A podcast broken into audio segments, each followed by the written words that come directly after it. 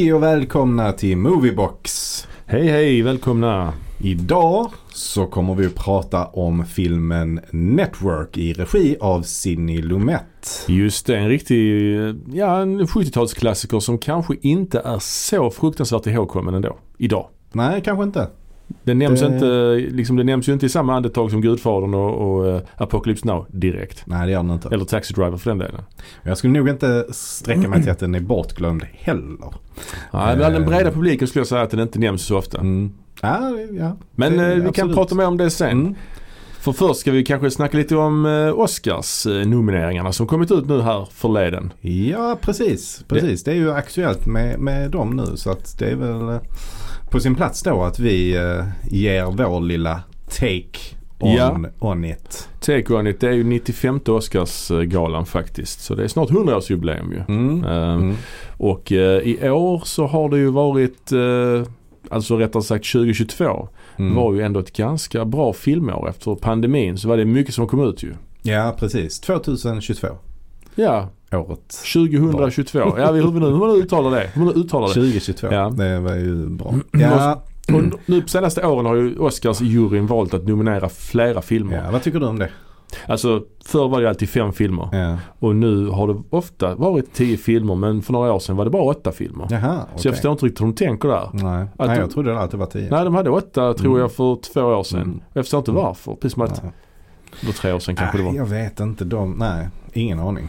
Alltså, Och i år, märkligt. i år, Mm. jag brukar nästan aldrig ha hunnit se de här filmerna. Nej. Ofta för att de inte har kommit på svensk bio eller Mm. att jag inte har hunnit gå på bio och se dem. Men i år så är det ju en del streamingfilmer och en del filmer jag har hunnit se på bio. Mm. Så att eh, jag har faktiskt sett, tror jag, sex stycken av de här tio filmerna. Vilket är någon form av rekord för mig i alla fall. Så Mm. jag har lite åsikter här för en gångs skull Mm. och inte bara massa gissningar liksom. Kul. Ska vi eh, Jag har inte sett så många. Nej, har du inte det? Jag har sett en, två, tre, fyra, fem. Nej, okej. Men det är ju nästan lika många. Ja. Det är ju hälften. Du har sett en mer då bara? Ja, det har jag faktiskt gjort. Men eh, ska vi börja med Best Mm. Picture som Best är picture, ja. Och de nominerade är det alltså All Quiet on the Western Front. Ja. Eh, Det är ju Netflix krigsfilm. Mm. Den har inte jag sett. Den har jag sett. Mm. Och det är ju intressant där för den har ju faktiskt, den här eh, boken har ju filmatiserats förr. Och har faktiskt vunnit bästa film förr. 1930 så vann just på västfronten inte ett nytt bästa film. Mm. Mm. Jaha, okej. Så att det är andra gången den har möjlighet att vinna Ah. bästa film. Liksom. Spännande. Mm. Vad tyckte du om den filmen då? Jo den är stark, eh, det är den ju. Mm. Och eh, intressant eh, val av musik. Lite modern musik, med, eller elektronisk, eh, lite så här Mm. oljudsmusik emellanåt. Mm. Och sen är det ett par riktigt jävla brutala scener alltså. Och sjukt, eh, sjukt snyggt är det Mm. fotot. Mm. En tysk film ju. Den förra eh, versionen var nog amerikansk tror jag. Mm. Så att, eh, ja. Sen har vi då Avatar, The Way of Water. Mm. Och den hade inte du sett va? Nej, jag har inte hunnit se den faktiskt. Det är lite grann som första filmen kan man säga. Mm. Fast längre. Jag har sett lite av den. Ja, faktiskt. ja. ja men den är... eh, Eh, jag har sett 20 minuter ungefär. Jag tyckte den var helt okej men den är lite, alltså det är lite samma grej igen och det den är inte riktigt lika bra som, alltså den förra var ändå rätt mycket nyhetens behag också. Det här Mm. är som sagt det blir upprepning och en del av karaktärerna är rätt så tradiga alltså. Mm. Mycket, Det är ja. ju ett, ett spektakel lite grann ja, ja verkligen. kan man väl säga. Men eh, det ser ju jävligt, det jag har sett på den ser ju jävligt snyggt ut i 3D. Ja men det gör det och, och man tror ju liksom 3D är ju alltså mycket bättre i denna än i till exempel andra Marvel-filmer och så liksom. Ja det kan jag tänka mig. Det kan jag tänka mig. Alltså det var någon sekvens i slutet eh, där de är under vattnet då Mm. och där är liksom det så smuts i vattnet, små Mm. korn. Mm. Och det såg jävligt bra ut i 3D. Mm. Plus då att datoranimationerna är också helt sjuka så man Mm. tänker inte på att det är datoranimerat. Man Mm. tänker att det som ser ut så. Det är riktiga människor som ser ut så blåa. Bra musik också tycker jag. I alla fall den Mhm. musiken som är med i trailern tycker jag är så himla fin. Ja det tänkte jag inte riktigt Men jag på. vet inte om den är med så mycket i filmen. Men, Men den är lite, samtidigt lite, lite omständigt berättad och lite eh, ointressant faktiskt Mm. emellanåt. Tyvärr. ja. Eh, Ja. ja. men det kommer komma fler filmer, det vet vi. Ja, ja, ja. Eh, han, Minst, har minst två spelat, till. han har spelat in en till redan tror jag. Ja, och en halv. Han har spelat en och en halv. En och en halv. In, en och en halv Mm. till. Ja. Mm. Ehm, och ja, det kommer säkert att släppas ännu fler för den här har ju gått jättebra. Ja, gud ja. Jag vet inte hur många, eh, hur, hur mycket intäkter den har dragit in. Ja, i skrivande stund så har den spelat in 2,1 miljarder. Så att det är, det är ju rätt så bra. Har den gått om Titanic? Fjärde är den nu. Faktiskt. Den är fyra nu? Ja, den är fyra nu. Så den är precis efter Titanic. Ja. Men den kommer gå om Titanic Mm. inom, eh, inom några dagar alltså. Och tvåa är eh, Avengers Endgame. Endgame. Och Och den kanske den inte kommer kunna gå om. Alltså etta på den här listan är Avatar 1. Den har Ja. 2,9. Sen är det Mm. Endgame på 2,8. Titanic på när, närmare 2,2 och sen Mm. då eh, Avatar The Mm. Way of Water med endast 13 miljoner mindre. En Titanic? Ja, Ah, okej. så den Mm. kommer ju gå. Mm. Ja, men den var, jag tyckte den var lite, lite så tradig. Mm. Nästa Mm. film eh, är ju då The Banshees of Inisherin. Den har jag inte sett men det har du gjort. Jag har sett den Mm. och jag älskar den verkligen. Alltså Ja. jag tycker den är riktigt jäkla bra. Och det är en Den- rolig film detta. Den är, alltså det är väl en svart komedi skulle jag väl eh, beteckna det som. Ja.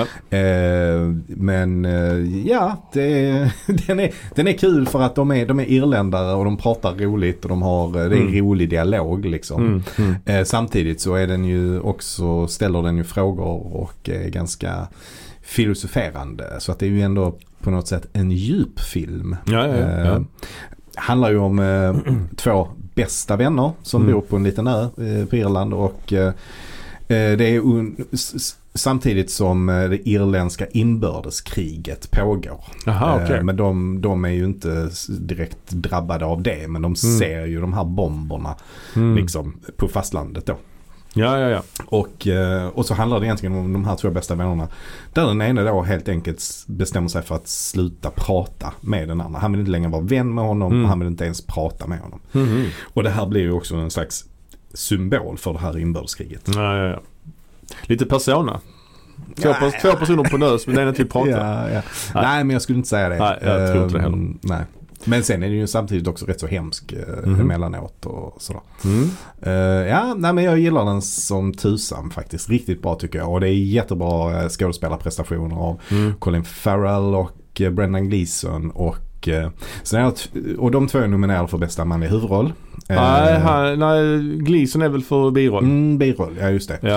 Eh, men sen är det en till eh, Ja. manlig biroll. Barry Coogan. Barry, Coogan. ja. Någonting. Och, och han har man ju sett i till exempel The Eternals. Ah, Eh, okej. Han är en av dem. Och sen är det också bästa kvinnliga eh, biroll. Just det. Steph, eh, det är Carrie Carrie Condon. Condon. Mm, just det. Mm. Och jag tycker alla de fyra är eh, riktigt grymma. Ja, kul. Jag kan eh, definitivt eh, köpa att de vinner varsin Oscar allihopa där. Ja, grymt. Vi kommer till de Mm. kategorierna sen. gör vi. Nästa film som är nominerad för bästa film är ju då Elvis. Yes. Filmen om sångaren med samma namn. Mm. Ehm, Ytterligare en biopic. mm. Eh, vi har ju eh, blivit eh, översköljda av sådana på sistone. Det har Ja. kommit om Queen och det har kommit om Elton John på sistone. Systrarna Williams och Systrarna deras pappa. Williams, ja. Ja. Eh, Whitney Houston Japp. fick också en biopic nu i julas. Judy Garland. Precis. Eh, det är snack om att ska komma en om Madonna men det är nog scrappat nu tror jag. Ah, okej, ja. Mm, eh, så det blir inget där. Mm. Men Michael Jackson kommer ju också en biopic om. Oj. Intressant. Ja, eller? Ja, frågan är om de vågar, hur, hur långt vågar gå där så att säga. Mm, ja, precis. Mm, Ja. Så att, och det brukar ju gå rätt så bra Mm. för uh, biopicsen. Alltså Rami Ja. Malek vann ju för Queen-filmen. Han Ja, väl bästa huvudroll där för mig. ja, och även hon uh, Renée Zellweger för Judy Garland-filmen. Mm, just det. Att, eh, Och tidigare så har ju Jamie Foxx vunnit när han har det. spelat Ray. Ray Charles, ja. Och eh, sen så vann ju även, eh, alltså Joaquin Phoenix spelade ju, vad heter han? The Joker. Ja. Nej, han Johnny Cash. Johnny Cash. Ja. Eh, och han var nominerad ju men han vann inte. Däremot vann ju eh, Witherspoon. Hon spelar June Carter, ja precis. Mm. Mm. Ehm, ja. Men ska vi gå vidare? Vi går vidare på listan Mm. och nästa film är ju då filmen Everything Everywhere All At Once. Mm. Eller EEAAO som jag brukar förkorta den. Ja, det är väldigt uh, behändig förkortning. EEAAO. Ja. Och den här filmen har blivit ett, nästan som ett fenomen kan man säga det. Ja. Den kommit från ingenstans och blivit Mm. en stor, stor hit. Ja, jag har fått flest och nomineringar av alla filmer. Ja, 11 stycken. Elva stycken. Ja, 11 Ja. stycken. Eh, ja, och eh, ja vi kan komma, ja du har sett den. Jag har sett den. Jag har också sett den. Jag älskar den. Jag också. Verkligen. Jag tycker den är jättebra och eh, ja den är, den är lite en fröjd för ögonen. Mm. Verkligen. Bra klippning, mycket bra skådespeleri och en eh, hyfsat unik story ändå. Och gjord på rätt så låg budget. Så att de Mm, eh, mm. regissörerna har ju fått, eh, alltså de har jobbat med ett ganska litet team. Liksom Ja, med specialeffekterna och sånt Mm. och det syns inte. Nej, verkligen inte. det. Nej. Ja men sen har vi The Fablemans. Ja, Steven Spielbergs uh, självbiografi kan man Mm. få säga då. Mm. Som handlar om hans uppväxt och hans familj liksom. Ja, den har Ja. inte jag sett. Nej, inte jag heller. Har Men med? den ska vara väldigt bra.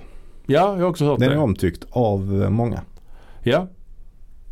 Ja, jag hoppas, jag hoppas att det stämmer. Jag Mm. är ibland lite rädd för sådana här filmer när det är folk som, du vet, folk får sin första kamera och det ska vara magi och det ska vara så fint. Du vet. Jag Jag, vet. kan vara lite rädd för sånt. Det är lite Cinema Paradiso. Ja, men lite så. Mm. Ostigt. Eh, Men jag hoppas att, eh, att eh, den infriar förväntningarna för Mm. jag vill ju verkligen, verkligen se den. Mm. Nästa film på listan är filmen Tar. Mm. Och det här är en film jag inte har sett men det är med Kate Blanchett och hon spelar någon slags dirigent. Men en fiktiv person. Ja, Så att det är liksom ja. ingen biopic eller något sånt. dirigenten Lydia Tar. Just det och Mm. ja, den är regisserad av en som heter Todd Field som, han har inte gjort så mycket filmer. Nej. Han har gjort en som heter In the Bedroom som kom 2001 som också Mm. var Oscars-nominerad för bästa Mm. film kommer jag ihåg. På den tiden det bara var fem filmer nominerade. Mm. Men han har gjort den, han har gjort Little Children också. Sen har han fan inte gjort fler filmer eh, Nej. tror jag. Så att eh, det är lite spännande. Han är, Mm. rätt så, han är inte så produktiv helt enkelt. Eh, sen har vi då också nästa film som är en liten, li- något av en skräll på den här listan ändå Mm. skulle jag säga. Det är Mm. Top Gun Maverick. Och detta är en film som kanske har fått den här eh, nomineringen på grund av att den har betytt ganska mycket för eh, liksom filmindustrin som sådan. Mm. Att den, den blev en sån superhit. Den eh, saved cinema. Ja men precis. Men det kan ju vara så. Ja, ja. Alltså det är årets mest inkomstbringande film. Så Mm. bara i kraft av det så kanske den förtjänar nominering på något sätt. Ja men det, det, det gör den ju. Alltså, det är ju ett otroligt bra hantverk. Jag gillar den jättemycket. Mm. Jag tycker den är en av mina bästa bioupplevelser någonsin. Jag Mm. såg den med så här Mm. 4DX med rörliga stolar och effekter. Mm. Det var bland det bästa jag har sett ur, ur den aspekten Ja, liksom, ja. som upplevelse. Mm. Men eh, ja, som film egentligen så kanske den inte har alla kvaliteter som jag tycker en bästa filmnominerad film ska Mm. ha. Mm. Men det är lite grann som när Black Panther var nominerad till bästa film. Det Mm. kändes också helt konstigt. Men det var Mm. det kan också vara summan av de andra nomineringarna. För Black Panther hade ju både för musik och kostym och scenografi tror jag. Mm. Och ju fler nomineringar du har, det kanske kan generera en bästa film-nominering. Kanske. Nu tycker inte jag Black Panther är en jättebra film. Jag tycker det är en ganska helt okej film. Mm. Med Mm. bra partier och mindre bra partier. Det är ju inte bland de bättre Marvel-filmerna liksom. Nej, bara det är ju märkligt liksom Mm. då kan jag tycka. Mm. Ja, men eh, Eh, nästa på listan Ja. är Triangle of Sadness. Ja. Jo, Sverige är represent. jag vet inte när det hände senast. Det måste ju varit, var det liksom viskningar och rop senast som Sverige hade en film Mm. som bästa film. Sen så var det väl eh, Utvandrarna också. Mm. Som var innan den. Ja, för jag tror inte Fanny Alexander var nominerad till bästa film. Nej, Jag tror bara den hade för bästa Mm. utländska film liksom. Ja, det är Viskningar i Europa är senast 1972 alltså. Så det är ju liksom 50 år sedan. Ehm, det är ett tag sedan kan man säga. men på den tiden så ska man ju tillägga att då var det ju inte tio filmer som var nominerade. Nej, just det. Jag kan ju ändå gissa här att hade det bara varit fem filmer så hade inte Triangle of Sadness fått en eh, nominering. Nej, alltså den har ju inte gått så himla bra heller väl egentligen i USA. Alltså den vann ju Guldpalmen. Det är väl i kraft av det som Mm. den är nominerad. Men den har ju spelat in 23 miljoner på en budget av 15.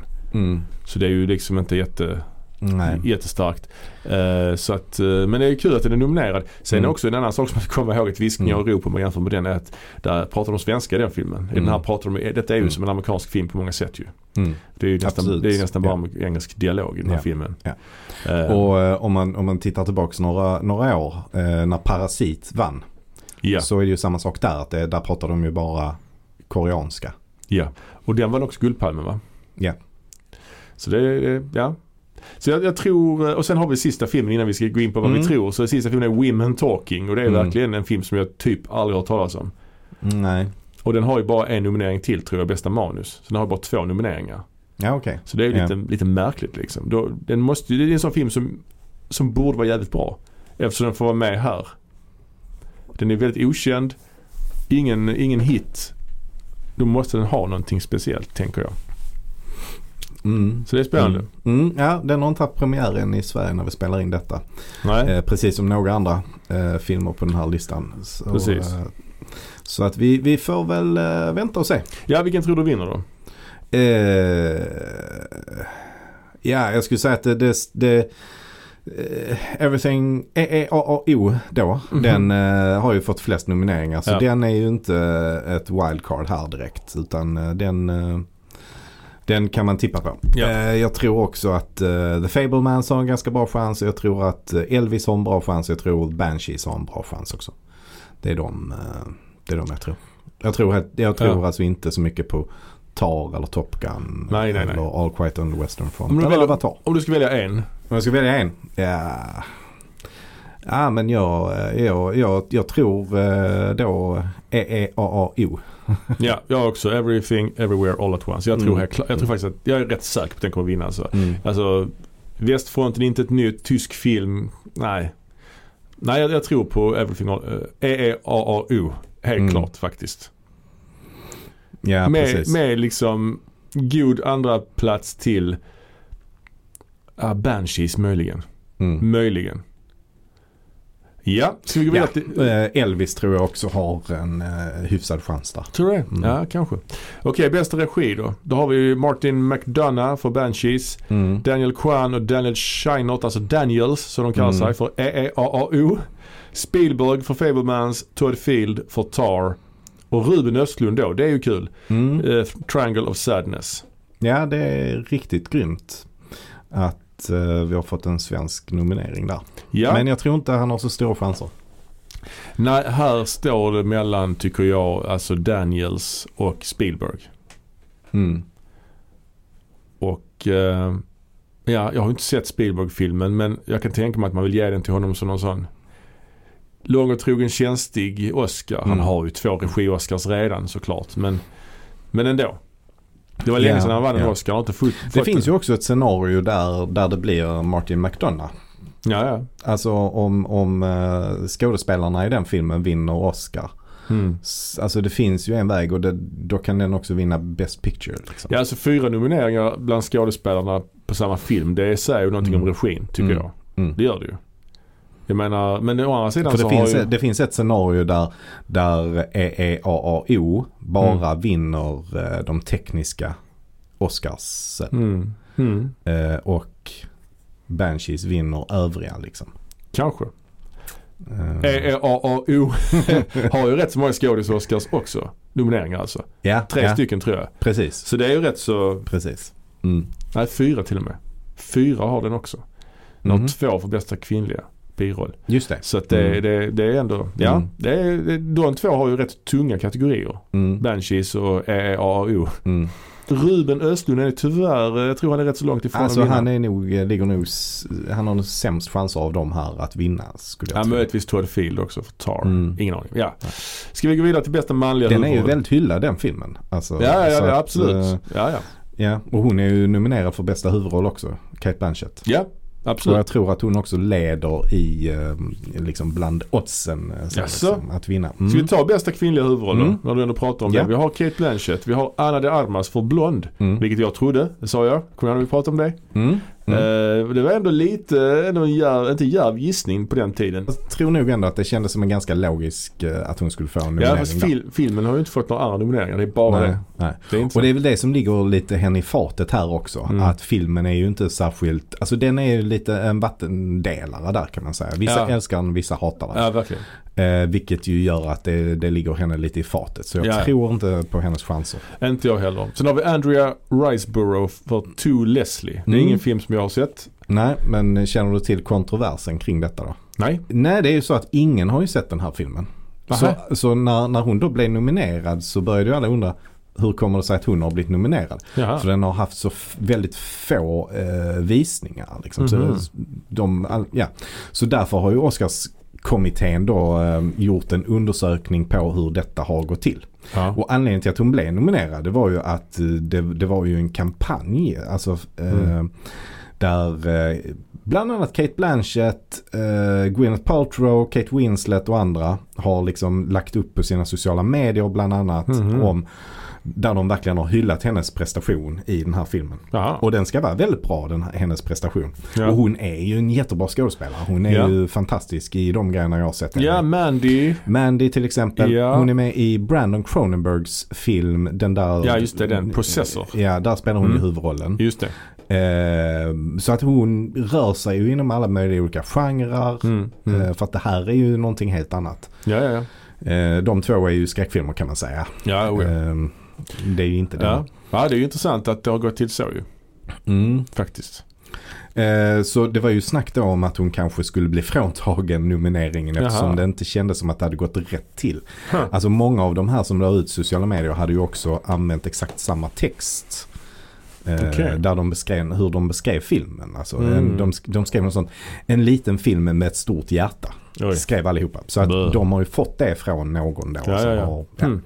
Eh, men eh, hon är kvar som nominerad i alla fall. Mm. Ja. Och nästa person är ju då Michelle Williams i Mm. The Fablemans som då Spielbergs mamma då I guess. mm. Och sen har vi då sist Michelle Yeoh för Mm. Everything Everywhere All At Once. Mm. Och det här är ju väldigt intressant startfält får man ju säga. Mm. Alltså det är ju som sagt Ja det är många, par stora namn. Mm. Eller framförallt Kate Bla- Blanchett. Men också många hyllade roller liksom. Jag tror stenhårt på Michelle Yeoh här. Mm. Helt klart. Mm. Jag tycker hon är skitbra i den här filmen. Jag tycker jag har aldrig sett henne så bra som i den här filmen. Mm. Nej men absolut. Hon visar Jag- verkligen en range också. Mm. Ja, definitivt. Jag, jag håller med. Jag hoppas verkligen hon får den. Ja. Samtidigt har jag inte sett Kate Blanchett Nej. i, i Tar. Och eh, vad, jag, vad jag har eh, sett och hört så leder hon ändå Ja, okej. bland oddsmakarna och sånt Mm. där liksom. Sen är det ju roligt med en eh, asiatisk kvinna har aldrig vunnit en Oscar för bästa.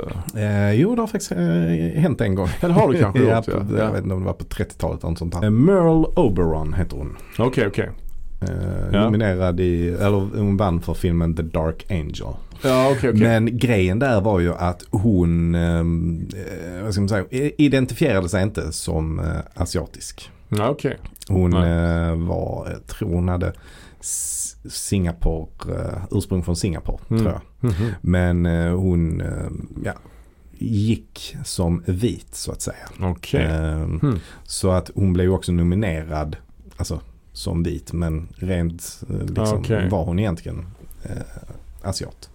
Jaha.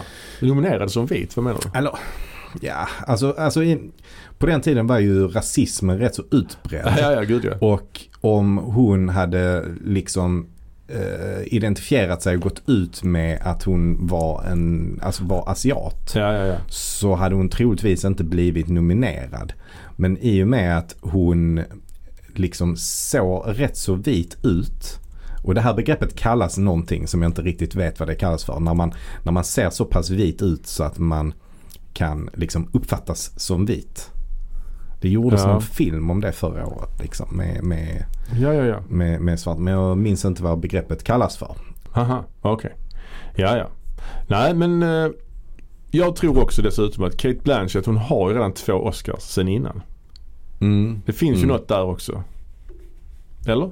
Eh, ja, ja kanske. Hon har ju vunnit både för eh, The Aviator och för Blue Jasmine har jag för mig. Mm, just det. Så att jag Mm. tror, det finns ju någonting där att det är lite tråkigt om hon får en tredje. Ja, De andra har väl ingen. Liksom.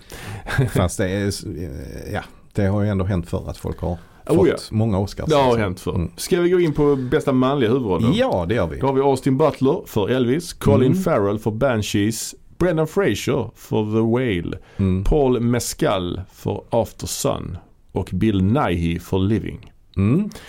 Och här är det tycker jag då, det står ju mellan de tre första jag sa där. Framförallt Mm. tror jag faktiskt mellan Colin Farrell och Brendan Fraser. Jag tror Mm. Elvis i all ära men mm, ja, jag tyckte han var bra som Elvis, det gjorde jag verkligen. Nu har jag inte sett de andra två filmerna heller men de är ju väldigt hyllade och prisbelönta redan som det är liksom. Ja, precis. Ehm, Nej men det, det, det är väl de flesta tror väl att det är Colin Farrell och Brendan Fraser det står mellan. Mm.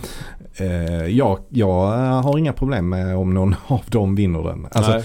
jag har inte sett The Whale heller men eh, det är ju en fin comeback story för Mm. Brendan Fraser här. Ja, ja, ja. Eh, han har ju inte han har ju gjort något riktigt på, på väldigt länge ju.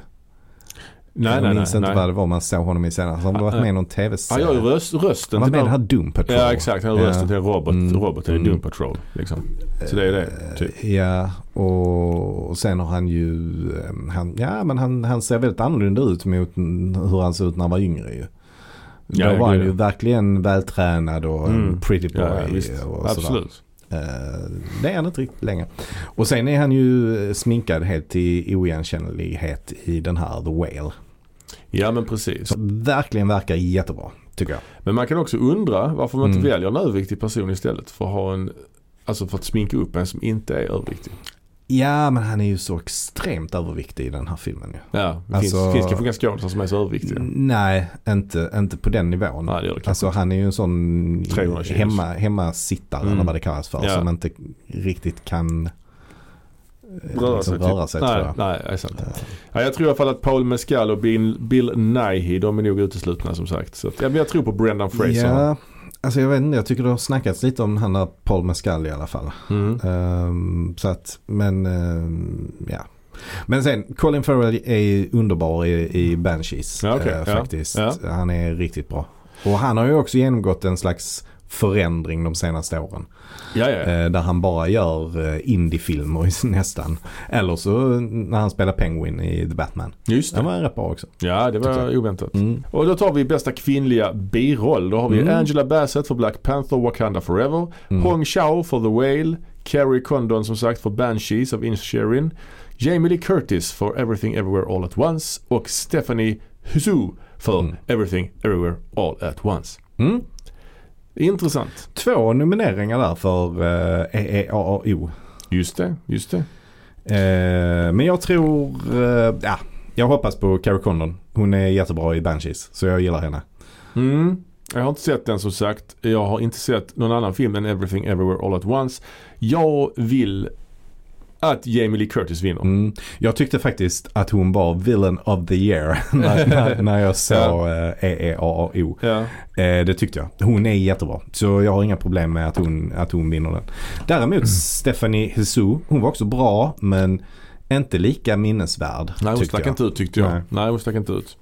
Angela Bassett har jag ju sett i första Black Panther-filmen och eh, Mm. jag har sett trailern. Det känns som en sån roll där hon, hon håller mycket tal till folk och sånt. Mm. Ja men hon, hon är rätt dominant i den här filmen ändå Okej. skulle jag säga. Ja. I, I eh, Black Panther, Wakanda Forever. Hon Mm.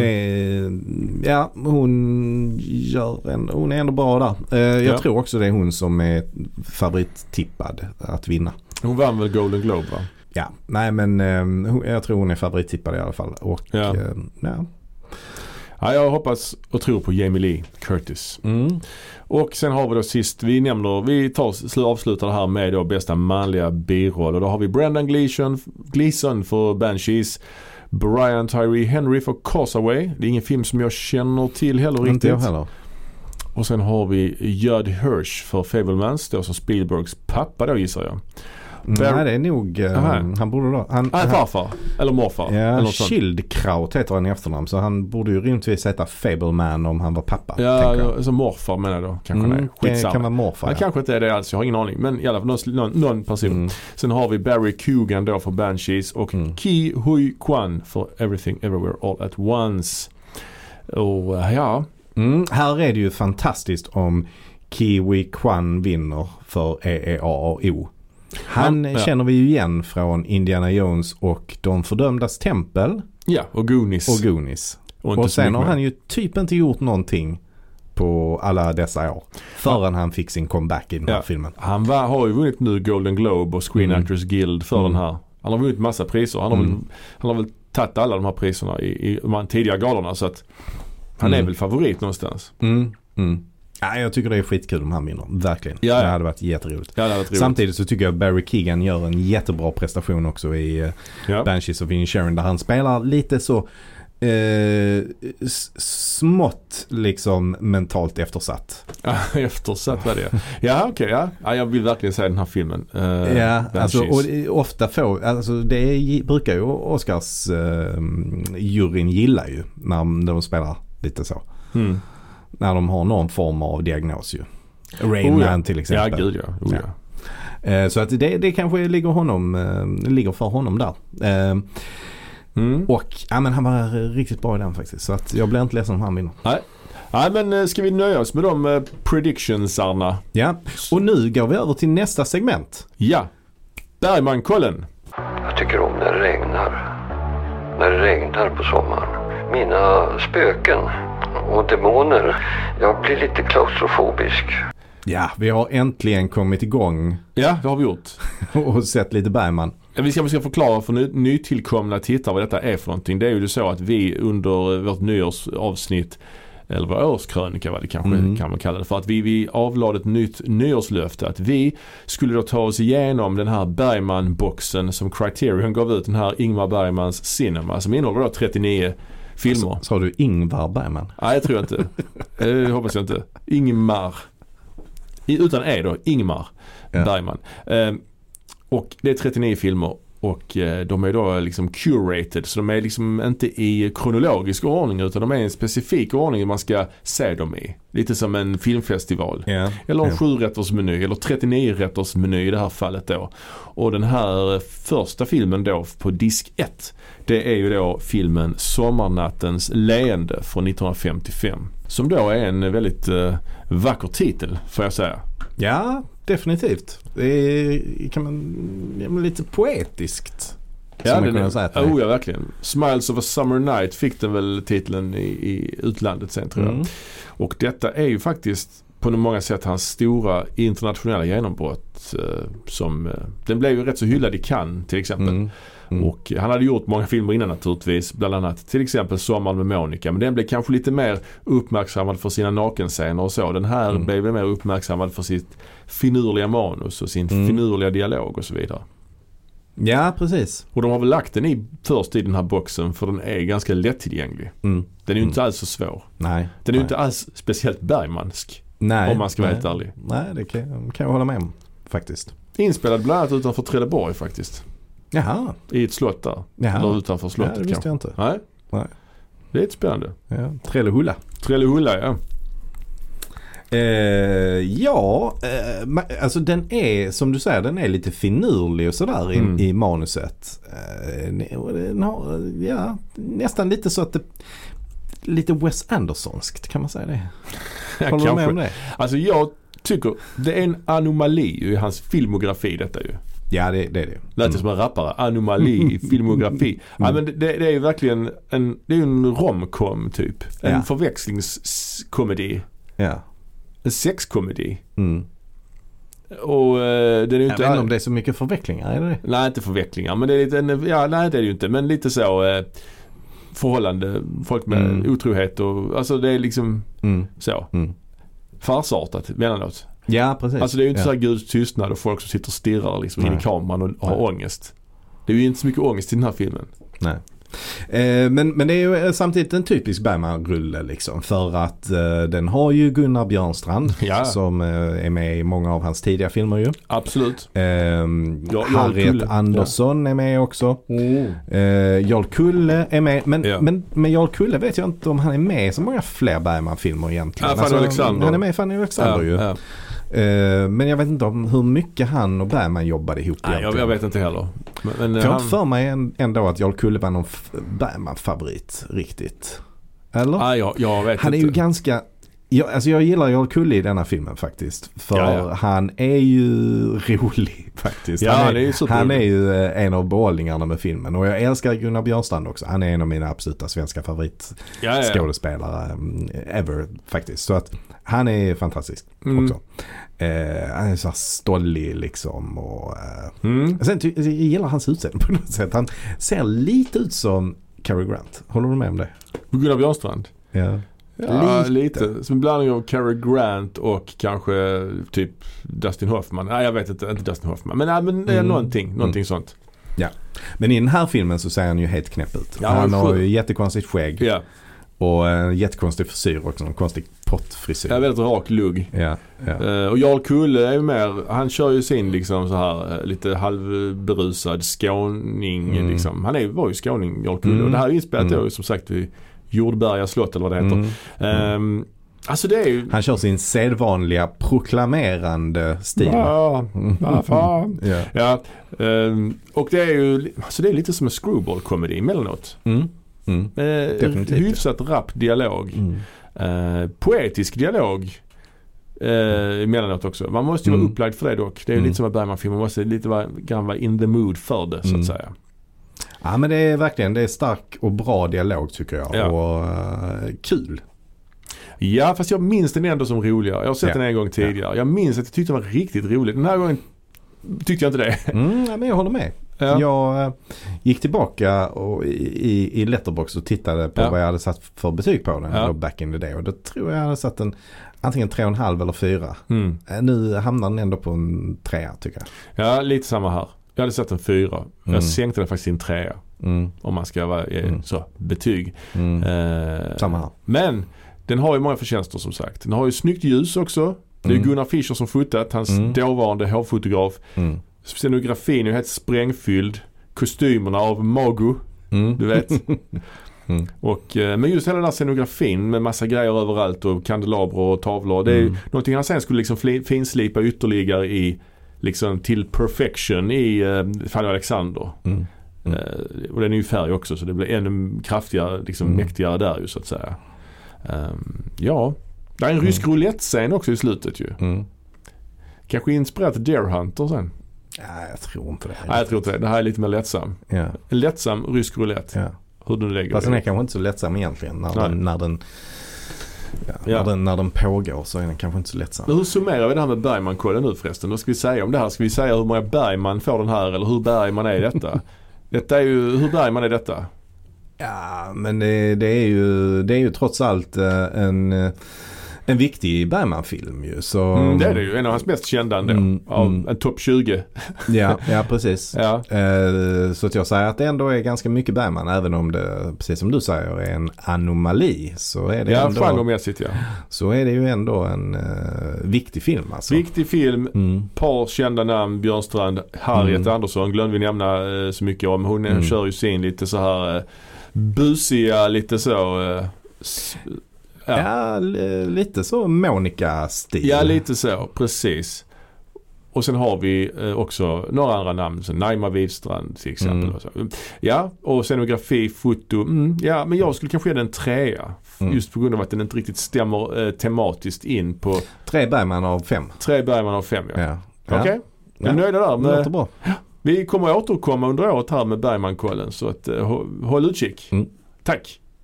Jag tycker om när det regnar. När det regnar på sommaren.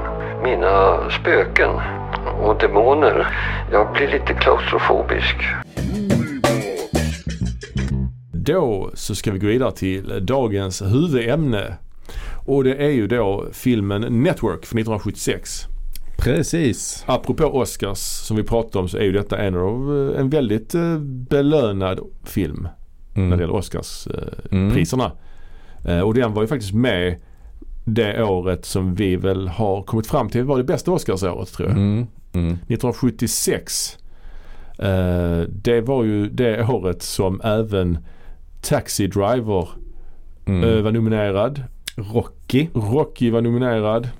Och eh, Alla Presidentens Män. Och Mm. Bound for Glory. Ja. Eh, Hal Ashbys film. Mm. Starkt. Ja, Stark line-up. Bland det bästa någonsin. Rocky vann ju bästa film. Mm. Eh, av de här fem filmerna så skulle jag nog kanske ge eh, Oscar till denna film. Kanske. Mm. Jag Mm. tycker nog Taxi Driver är starkare än Rocky. Mm. Men kanske på den här tiden så kanske det var lite för edgy för att vinna bästa Mm. film. Mm. Alltså jag har egentligen inga problem. Jag, jag, jag tycker ändå att eh, i, i toppen ligger Taxi Driver, Network och Rocky Mm. ändå som bästa film. Ja. Eh, så därför har jag faktiskt inga problem med att Rocky vann. Nej, Rocky är en film jag har sett många gånger och jag Mm. älskar Rocky såklart. Men den är ju också lite konventionell liksom så här. Även om man inte vinner, i, Mm. vinner sin match Mm. i slutet så är det ju Mm. ändå den är mer ordinär än Taxi Taxi Nu Driver. spoilar du Rocky. Ja, jag spoilar Rocky. Men den är ändå nästan 50 år Mm, gammal. mm. Ni har haft 50 år på er sedan, 47. Men, Ja, eh, men absolut, men, eh, men jag tänker att den, när den kom var den kanske inte lika, alltså för den kanske var trendsättande när den, när den kom. Ja. Alltså den var kanske inte, Kanske kanske, inte uppfattad sen hade den så också, det var ju spännande med Stallone också. Mm. Eget manus och Mm. okänd och så vidare. Mm. Men det är inte det vi ska prata om. Men vad vi kan säga också av de här filmerna, av de här fem filmerna vi nämnde, 1976 års filmer, så är det ju faktiskt så att Rocky, Taxi Driver, Alla Presidentens Män, Mm. Ihågkomna filmer. Mm. Network, Bound for Glory, inte lika ihågkomna kan vi säga. Ja, jag, är inte, jag är inte helt med dig där på att eh, alla presidentens män skulle vara mer ihågkommen än Network. Nej, kanske inte. Men jag tänker ändå att den är det för att den handlar om Watergate som är så jävla stort. Och det är ändå Hoffman och Redford och alltså två skådespelare Mm. som är skitstora än idag. Liksom, Mm. Som har haft längre karriärer än Mm. skådisarna i Network till exempel. Och det är Alan J. Pacula. ja, nej, det är skitsamma. Men i alla fall, ja, nej kanske inte. Men eh, jag har min tes, eh, enligt min tes så är det så. Ehm, och jag tycker det är intressant eftersom Network vann ju väldigt många Oscars. Mm. Den, Mm. den vann ju faktiskt fyra Oscars. Ja. Och hade nu varit nominerad till uh, dubbelt så många. Mm. Det är, ja. Ja men det är starkt, Mm. absolut. Vad vann den för Oscars? Den vann en massa skådespelare-Oscars ja den vann bästa manliga huvudroll, Peter Finch. Och han var ju den första som vann, han, fick, han var ju död Ja. redan så han fick den postumt ju. Mm. Och det hände ju inte förrän uh, många, många år senare när Heath Ledger Mm. vann för bästa manliga biroll Mm. för The Joker, eller ja, Dark Knight då. Mm. Båda två australiensare ju. Mm.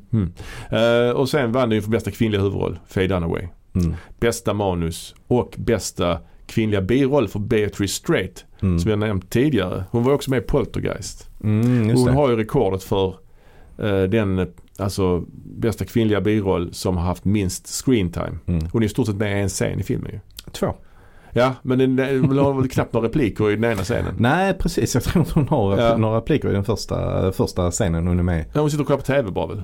Eller man ser henne i vardagsrummet, typ. Eh, Ja precis. Jo nej så är det ju. Hon, eh, hon vaknar ju upp. Eh, De ligger i sängen. Just det. Hon och William Holden och så vaknar hon upp. Och, och så går hon eh, in i vardagsrummet och så upptäcker hon att Peter Finch har gått och så väcker hon William Holden och säger nu Ja. har han gått. Ja, just det. Så, det Sen typ- kanske hon också är med och sitter och kollar på TV en scen ja, också. ja. Men det var, det var nog inte de två scenerna. Så det är egentligen bara en, Ja, det är en ett replikskifte Ja. som hon har mellan, eh, med William Holden då. Som liksom gjorde att hon vann den här Oscar. Hon är med alltså fem minuter och två sekunder. Mm. Ja det är eh, imponerande. Ja, det är väldigt imponerande. Ja. Och sen har, här var den också nominerad ju för, eller den vann ju för manus också då. Mm. Paddy Chayefsky.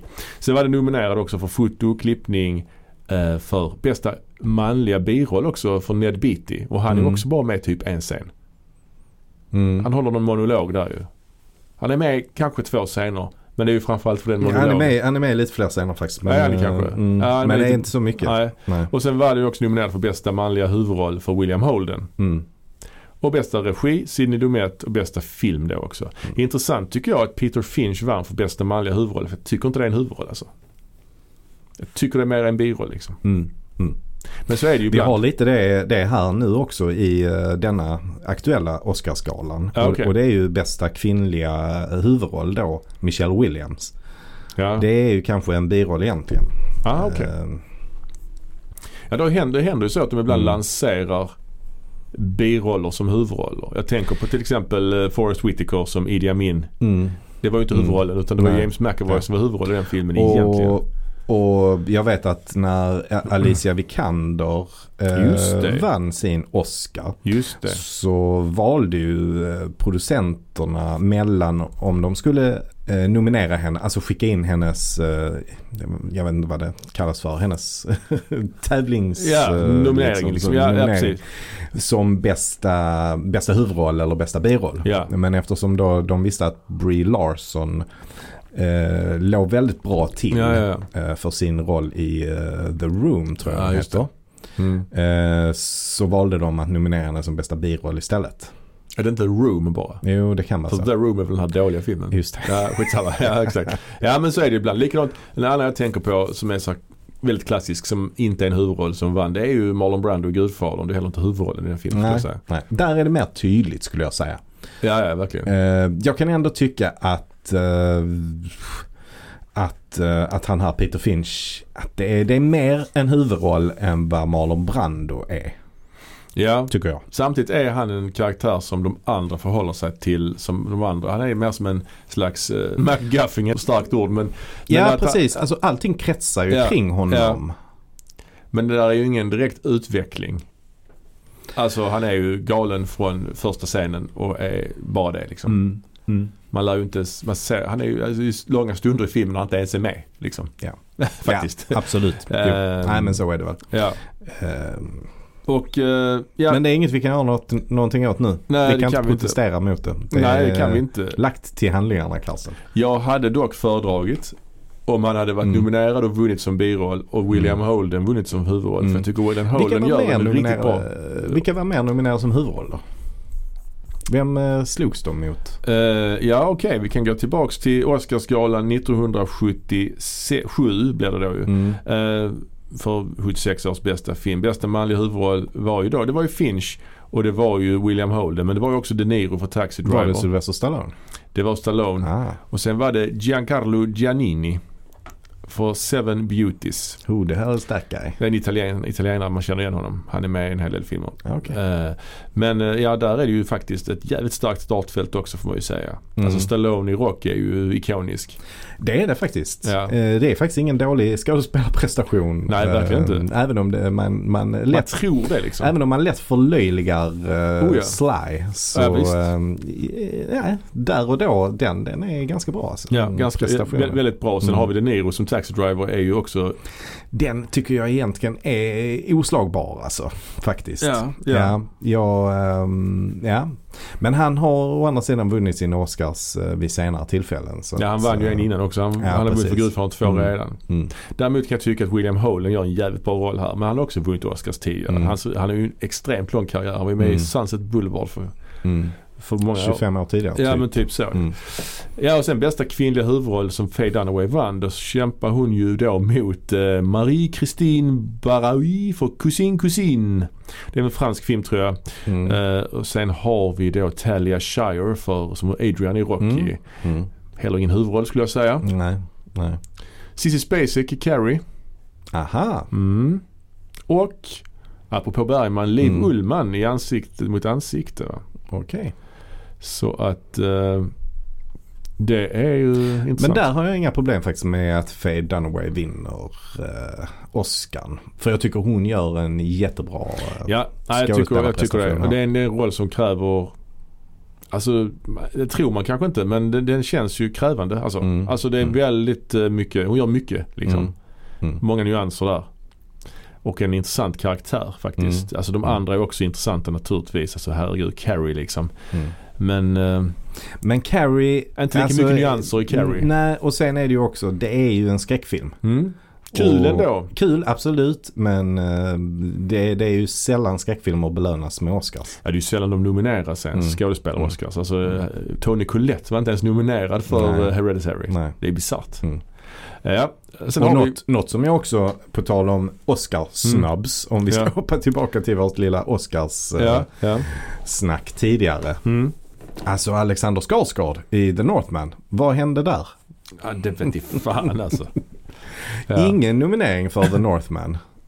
Och framförallt Nej. ingen nominering för Skarsgård. Han gör ju eh, en jäkla bedrift i mitt tycke. Ja, jävla bra, bra eh, magerutor. Ja, det är sant. Ska vi bara snabbt bara kolla på de andra som vann. Mm. Eh, då har vi ju då alltså bästa kvinnliga biroll var ju då Beatrice Straight. Hon vann. Mm. Och där var det Jane Alexander för Alla Presidentens Män. Eh, Jodie Foster för Taxi Driver. Mm. Spännande ju. Lee Mm. Som som vi pratat om tidigare med Mm. Omen 2 ju. Mm. Voyage of the Damned. Och Piper Laurie då som Carries mamma.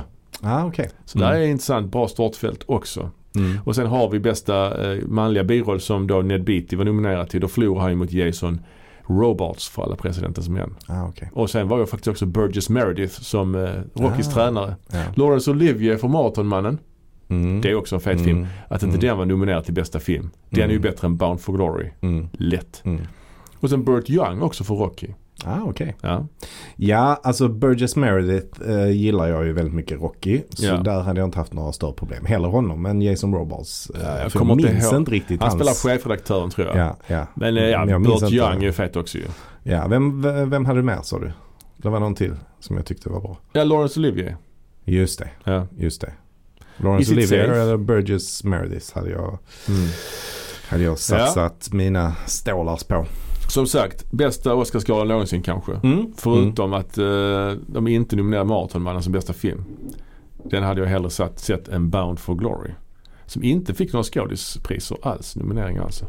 Skitsamma, vi går, vi går in i den här filmen nu, Network. gör som vi. sagt, prisbelönt, fyra Oscars. Mm. Eh, Varav ett hamnade hos eh, författaren Paddy Chayefsky. ja, Och han, eh, när han skrev denna så var han ju gammal i gamet kan man säga. Han Mm. har en lång, lång karriär och fått eh, Oscars tidigare. Bland annat för Marty tror jag.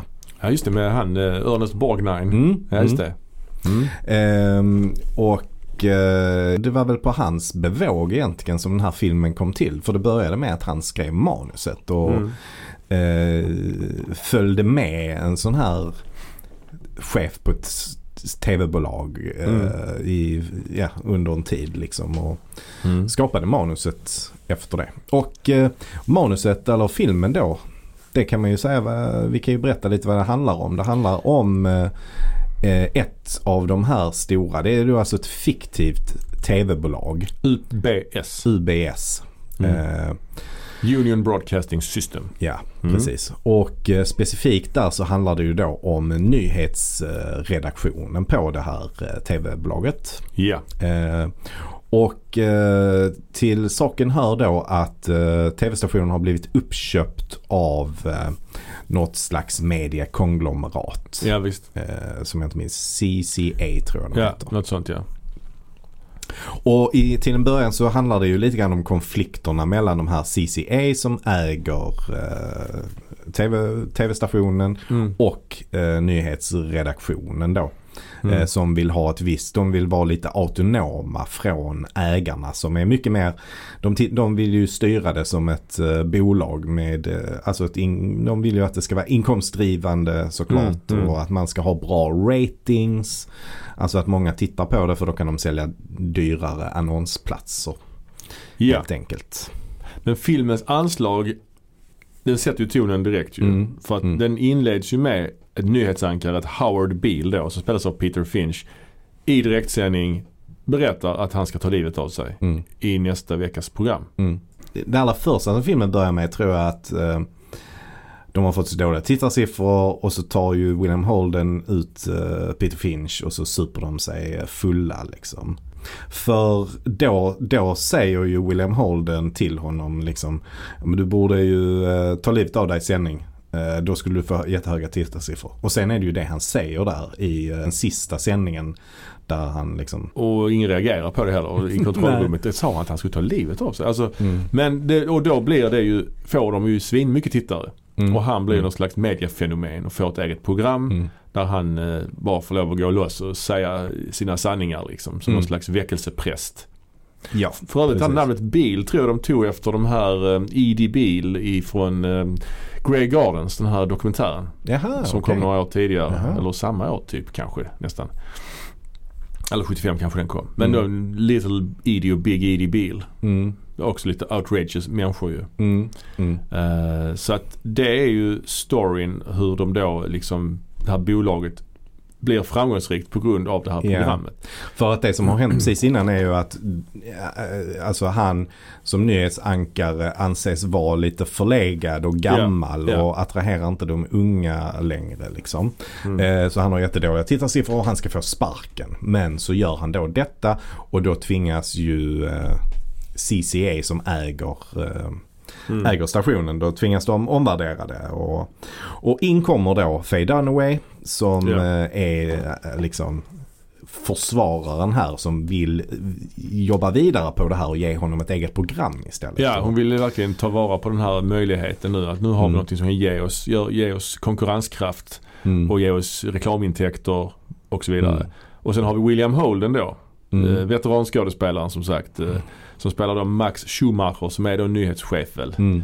Som inte tycker det här är en speciellt bra idé Mm. och får sparken då. Ja. Men också inleder ett förhållande med Faye Dunaway. Mm.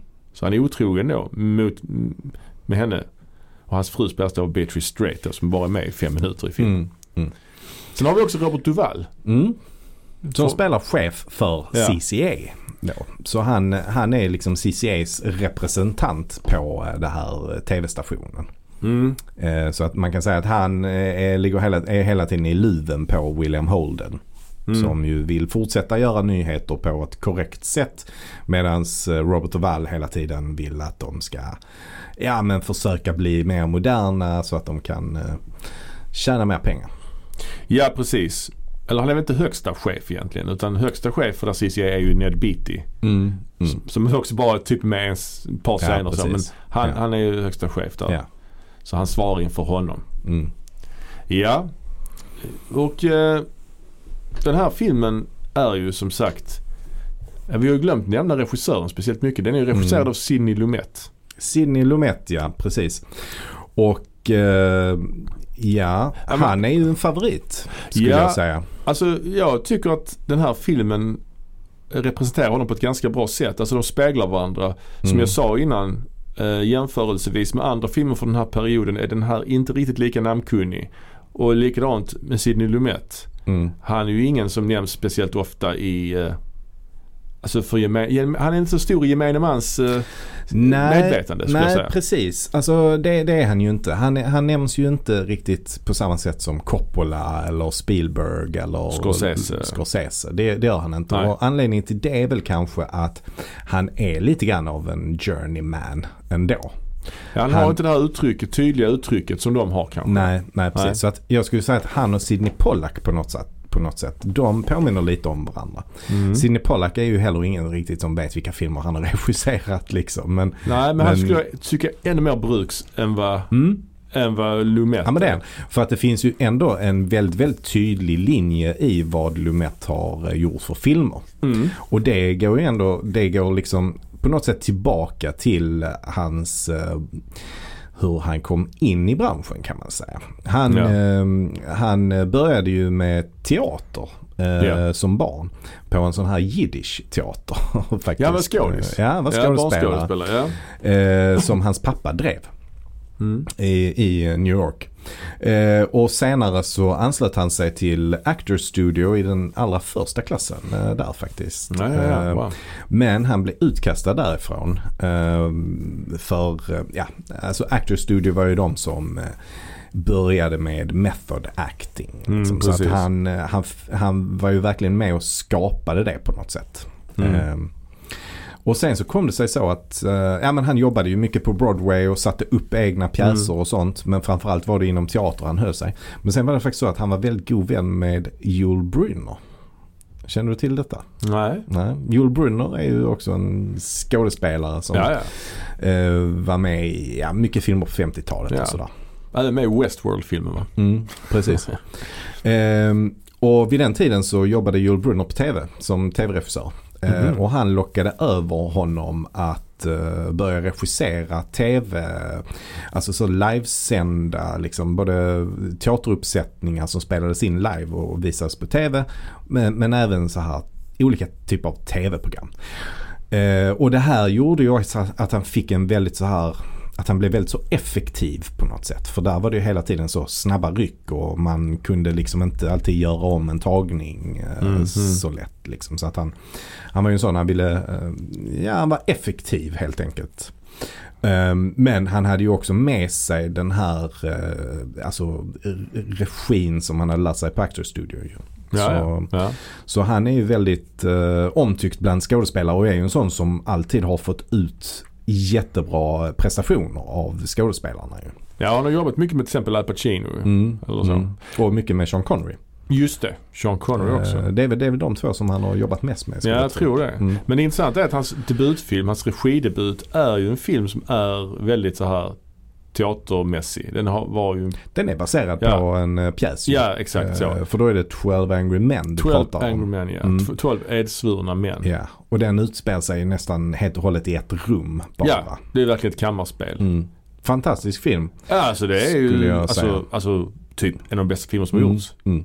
Och det är sjukt att ha det som sin första film. Ja det är det, det, är det verkligen. Ja. Eh, och där har vi ju Henry Fonda där i den filmen. Som han också Ja. jobbade med någon gång till. ja, just det. Bland annat i den här Fail Safe som kom eh, 64. Ja, just det. Men Men- 12, 12 Angry Men handlar ju aldrig om en jury helt enkelt. Där Ja. de ska avgöra Mm. om den här killen har gjort eller inte. Mm. Alla tror att han har gjort det utom, utom då Henry Fondas karaktär. Mm. Och det är väldigt så här, dialogdrivet drama Mm. liksom. Eh, men sen gjorde han ju fler eh, sådana här teaterpjäser eh, som film. Till exempel då Mm. Long Days Journey into Night. Ja, och sen efter, den kom 62 och sen 64 kom ju då eh, Fail Safe där. Ja. Som, den, kom ju, den handlar ju då om en sån här kärnvapen attack mot Ryssland eller mot Sovjet som ja, ja. av misstag sätter de igång den här kärnvapenattacken och sen kan de inte återkalla den. Ja just det. Eh, så den påminner ju lite om eh, Dr. Strangelove som Ja, kom ja. samma år tror jag. Ja, wow. Ja, och sen, ja, sen hade han ju ett, eh, ett samarbete med Sean Connery. De gjorde filmen The Hill till exempel. Ja. Och även det här The, The Anderson Tapes. Anderson Tapes på 70-talet där. Och på 70-talet, där hade han ju liksom, Han hade ju en riktig jäkla glansperiod. ja, Jag skulle säga där, alltså The Anderson Tapes vet jag inte om hur den blev så himla framgångsrik. Nej. Eh, lite märklig film tycker jag. En sån heistfilm. Mm. liksom. Ganska rolig. Riktigt så jazzigt soundtrack. Eh, Mm. Jag tror det är han eh, Quincy Jones som har gjort eh, soundtracket. ja, ja, ja. Eh, men sen så 73 gjorde han ju både The Offense med eh, Sean Connery och Serpico. Serpico med Al Pacino som Mm. är liksom något av en klassiker. Mm. Där Al Pacino Mm. spelar polis, en sån här Mm. Undercover. undercover polis ja. Eh, och sen året därpå Mm. gjorde han ju Murder on the Orient Express. Agatha Christie ja. Mm. Också med Sean Connery och eh, många fler. Ja det är en riktig sån eh, ensemblefilm Mm. där bland annat Ingrid Bergman vann Mm. sin sista Oscar där hon spelar Mm. svensk missionär ju. Mm. Också Al- svinbra. Albert Finney. Albert Finney. Mm. Jag har- blandar ofta ihop Albert Finney och Peter Finch. Ja. Sen har vi också eh, Jacqueline Bisset, Anthony Ja. Perkins, Vanessa Redgrave, Michael York, Richard Widmark. Så ni hör ju själva. Mm. Det är Lauren Bacall för helvete. Mm. Ja det är, det är sjukt och den är Mm. riktigt fet. Den är ju mycket, mycket bättre än, ja. Till exempel Glass Onion. Om vi ska ta ett, Mm. Mm. ja. Ja men absolut. Året efter det gjorde han ju Dog Day Afternoon. Ja. En satans eftermiddag på svenska. Och också med Pacino som också är en riktigt fet film. Med Pacino och John Cazale. Ja. I en av de eh, fem filmerna som John Cazale gjorde. Och alla fem, Blev nominerade för bästa film. ja det är fantastiskt. Han är ju Ja. med i Gudfadern 1, Gudfadern 2, Conversation denna, alltså Dog Day och, Afternoon. och Dare Hunter. Ja.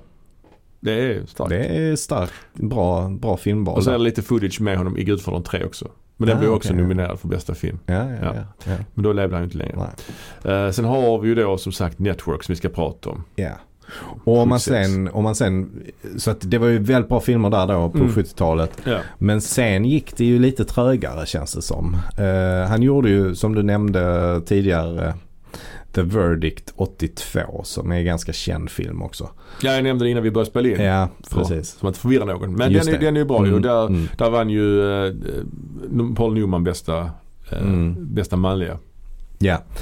Eh, men sen så eh, känns det som att han eh, inte gjorde så mycket bra grejer på 80-90-talet. 88 gjorde han ju Running on Empty som jag gillar väldigt mycket med, eh, med Judd Hirsch och eh, framförallt med eh, River Phoenix. Förlåt, vann eh, Paul Newman för den här filmen?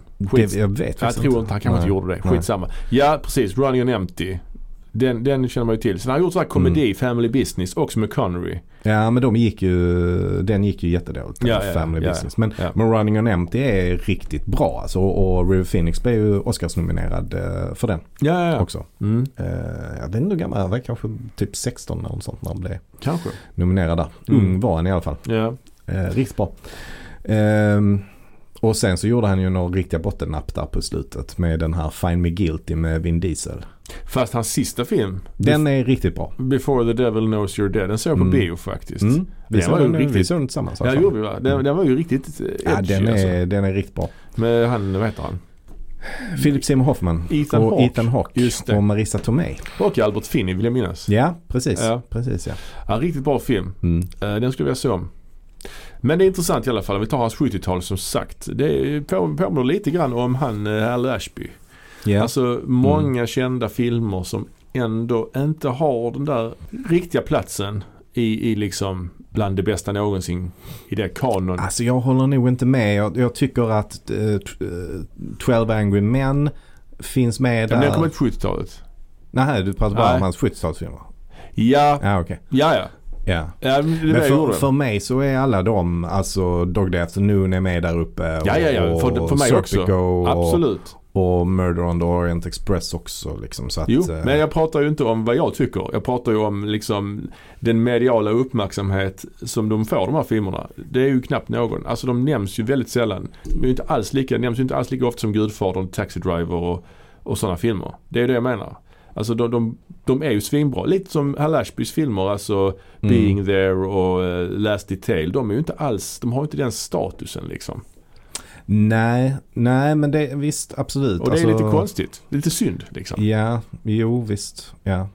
Men, Men det är ju egentligen inte så många andra filmer som har den statusen. Nej. Alltså det är ju en handfull filmer bara som är jo, kanske så. så, Så är det, som det, är, Cop- det är ju överlevt. Coppolas liksom Gudfadern och Apocalypse Now Mm, typ. Och Scorseses Taxi Driver och lite så. mm. Ja nej det, det, kanske, det kanske är så. Men, men eh, ja. För jag nej, menar Coppolas Conversation är det väl ingen som snackar om direkt. nej, kanske inte. Men det var en Guldpalmen. ja. Ja. Nej men om vi, Eh, ja, men, det finns ju i alla fall vissa kännetecken för uh, Lumet. Ja, Även om man kanske eh, inte, inte riktigt är en auteur så på det sättet. eh, I och med att han inte... Nej. Han, han kommer ofta in i projekten som en inhyrd regissör. ja han, han skriver lite manusen Nej, som, det som har han bara gör. gjort vid ett fåtal tillfällen. Ja, ja precis. Eh, men, men jag tycker ändå det finns en del kännetecken och det är ju att han till exempel ofta skapar en naturalistisk känsla. Mm. Alltså det är väldigt, väldigt verklighetstroget. Nästan på Ja. gränsen till dokumentärt Ja, i, som många, Serpico. i många fall. Ja, precis. Mm, Serpico är så ja. Mm. Ehm, jag tycker väl också att Failsafe kan vara så också Okej, till ja. exempel. Och Running on Empty också och sådär. Um, mordet på Orientexpressen kanske inte riktigt är, är så. Men Den Dog är, Afternoon kanske kan vara så. Mm, Mm. Ja, precis, Mm, den ja. mm, Verkligen den. Mm. Ehm, alltså att det ska kännas så totalt verklighetstroget eh, som möjligt utan att bli eh, dokumentärt. Och sen är det ju dessutom så att många av hans filmer bygger på verkliga händelser ehm, eller på eh, pjäser.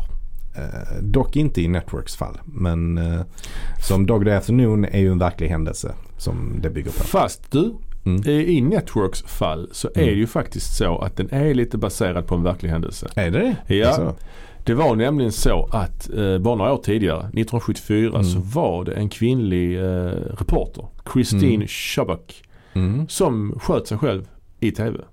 Alltså hon tog livet av sig. Ah, Just det. Det är, Det känner jag igen ja. det är eh, Okej, det var en slags utgångspunkt. ja, alltså, så, då, Mm. hade han, jag tror han utgick från den händelsen när han skrev Mm. manuset där. Mm. Att hon, hon, eh, hon led ju av depression och så vidare. Mm. Men hon sa någonting innan hon sköt sig om liksom just det här. Hennes eh, kanal hette WXLT. In keeping with the WXLT practice of presenting the most immediate and complete reports of local blood and guts news. TV40 presents what is believed to be a television first. In living color an exclusive coverage of an attempted suicide. Och sen sköt hon sig själv i. Ja, det är ju, ja, Det är ju bisarrt alltså. det är bisarrt ja. Det, det är ju helt, eh, ja. Så att, eh, ja. Det är, så det finns ju Mm. någon verklighet Mm. bakom Mm. detta. Eller i alla ja fall men, i- o- ofta, ofta är det ju det Mm. som hans filmer bygger på. Mm. Antingen det eller teaterpjäser som är omgjorda. Mm. Alltså The Hill till exempel är en teaterpjäs från början. Mm, mm. Ehm, och som sagt Dog Day Afternoon bygger helt och hållet på en verklig händelse med, med verkliga figurer. Alltså verkliga människor då som, Mm. som verkligen gjorde detta. Eh, samma sak med Running on Empty. Mm. Eh, och sen är det ju också, alltså ofta så har han ingen filmmusik till exempel. Eh, ja. Alltså Dog Day Afternoon, återigen, ingen filmmusik.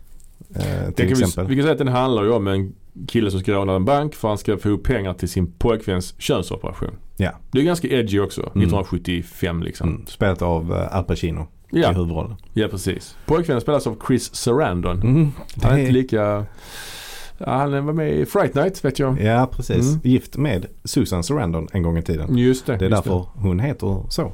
Ah, okej. Hon valde ju att behålla Sarandon Mm. efter att de skilde sig. Det låter ju bra. Susan Sarandon. Mm, ja. ja. Men eh, han är faktiskt riktigt bra i den filmen. För det, det som Mm. är kul där är ju att han spelar då en transsexuell person. Mm, ja. Men eh, han har verkligen så nertonat, alltså Mm. nertonat spel. ja, ja, ja. Jag har inte sett den på väldigt länge men eh, ja, jag vill Ja, den, är, den. den är riktigt bra. Ja. Alltså, eh, Al Pacino är elektrisk Mm, i verkligen. sin roll där. Ehm, ja, Men om vi går in på, på då Network. ja. Ja, så är det ju så att som sagt detta är ju en satir över, över liksom medias roll i samhället och vad mediamänniskor gör för att få tittarsiffror. Mm. Och det är ju intressant att se på den här filmen nu. Mm. Och man ser ju ändå hur relevant den fortfarande är. Mm. Trots att den har ju såklart åldrats på många sätt. Alltså TV är ju inte idag vad TV var då. Nej. TV Nej. har ju spelat ut den rollen på många sätt som den har i den här filmen. Men man kan ju verkligen dra paralleller till sociala medier och, och till allt annat sånt. Ja, alltså men jag skulle säga att vi lever ju i den verkligheten som de ja, förutspår där ju. ja men verkligen. Ehm, idag. Alltså det är ju, det är ju liksom när han den här Howard Beale får sitt, får sitt egna tv-program. Eller Mm. så, när han får gå loss. Då börjar han ju ställa sig upp och han liksom talar ju till tittaren och ber Mm. dem att liksom öppna först och skrika I'm as mad as hell and I won't take this in- Anymore. anymore. Mm. Och det blev en sånt mantra liksom och Mm. folk bara, och det, det är ju lite grann som sociala medier det här liksom Alltså, Ja, definitivt. Alltså den, ska- typen, den typen av media har vi ju idag. Alltså Ja. till och med på eh, liksom gammelmedia, på Fox News så finns det ju liknande ja, grejer. ja, ja, ja. Men framförallt på YouTube och sånt så finns det ju kanaler som sänder ja, ja. grejer som är precis så på Ja, det sättet. som bara sitter och är förbannade liksom. Ja, ja, Alltså, ja, det finns ja, en skåning som, jag vet inte vad han heter, men han sitter i en bil och bara är lite lack på allting. Liksom. ja, just det. Ja. Ja. det har jag sett det. Ja. Mm, Eh, mm. Men likadant eh, det här också med att skriva på Facebook eller kommentera på Mm. Facebook. Mm. Arg liksom. Jag, nej, Mm. det här är, nej, så hela tiden liksom. Mm. Så det är ju verkligen en superrelevant film än idag. Ja, det är det. Verkligen. Um, Ehm, har, eh, kan jag säga också den här filmen har en voice-over. Det är lite Mm. lustigt också. mm, den är inte med så mycket. Nej, det är Den bara, var med precis i början och slutet. Ja, det är någon gång i mitten också. Mm. Men den berättar lite grann om just om Howard Beale hela tiden. Mm, mm. Eh, Den, den Och det är kanske också det lite som gör att han blir en huvudroll i och med att Ja. uh, voiceovern pratar om honom. Ja, Men det är ett märkligt drag. Ja, det alltså, För det är ju ingenting som eh, bidrar till den här eh, eh, naturalistiska känslan. Nej, det ger en verkligen sagokänsla. Mm, This is the mm. story of Howard Beale, typ så säger Ja, de ju. ja. Sen är ju resten av filmen ganska, som sagt, naturalistisk. Mm. Det är ju, älskar ju den här eran för övrigt också. Allting är helt brunt. De har olika bruna nyanser. Väldigt Ja, 70-tal, ja. skrivmaskin. Ja men har du sett Faye Dunwest? Lade du märke till hennes kläder? Ja, ja, ja. De är också bara Brun. jordtoner hela tiden. ja. Och Robert Duval med sin sån kråsskjorta. ja, det är så jävla bra. Tunnhårig och kråsskjorta. Ja. Ja, det, det är så jävla fint. Mm. Men de går ju loss där. De liksom eh, spinner vidare på det här sensations-tv. Att de, Mm. de anlitar också någon slags terrororganisation. Någon sån Liberation Mm. Front. Mm. Och startar ett program med dem som heter The Mao Zedong Hour. Mm. Med The Ecumenical Liberation Army. Och det är rätt kul Mm. också den scenen när de ska förhandla om deras kontrakt. De är ju så här. Han ledaren Mullah Khan eller vad han heter. Mm. eh, han sitter ju och käkar KFC liksom. Mm. Så det känns Mm. också så här härligt så satiriskt. att Han Ja, ja. ja, och hon då som ska vara den här eh, vänsterorienterade, eller kommunisten till och med kanske. ja, ja, ja. Som är den som är mellanhanden där. Mellan visst. terrororganisationen och eh, tv-bolaget då. Hon är ju bara intresserad av hur mycket pengar hon ska få för det hela och sånt. Alltså, så att eh, det är ju ganska hypocritical kan man säga. Ja, ja, verkligen. Man kan också nämna att den här filmen Alltså fotomässigt, den är ju ganska som sagt murrig, ganska dova färger, ganska Mm. många scener som är ganska mörka rent ljus, alltså Mm. just, mörkt Mm. ljussatta. Och jag tror faktiskt att Paul Thomas Anderson använde den här filmen som inspiration för Magnolia. Jaha. För Den handlar ju Mm. också om ganska så gamla mediamän och så ju. Mm. Både Mm. Jason Roberts återigen som är med i Magnolia Mm. men också han, vad heter han som Oh vad fan heter han? Ah, det vet jag inte. Jag men jag vet vem du menar. Ja, Han, som leder ja, tv-programmet. han som är döende. Ja. Ja, Ja. Båda de har ju jobbat inom TV länge. Mm. Jag tror han visade den här filmen för skådisarna som inspiration. Liksom, innan Mm. alltså, jag har Mm. för mig det. Alltså. Ehm, så det är intressant. Där fick vi en till som fick en Oscars-snabb. Paul Mm. Thomas Anderson för Licorice Pizza. Ja, och Magnolia, får inte tala om den. Det var- det var inte ens eh, nominerad. Nej, precis. Det är ju Mm. bisarrt Ja. riktigt.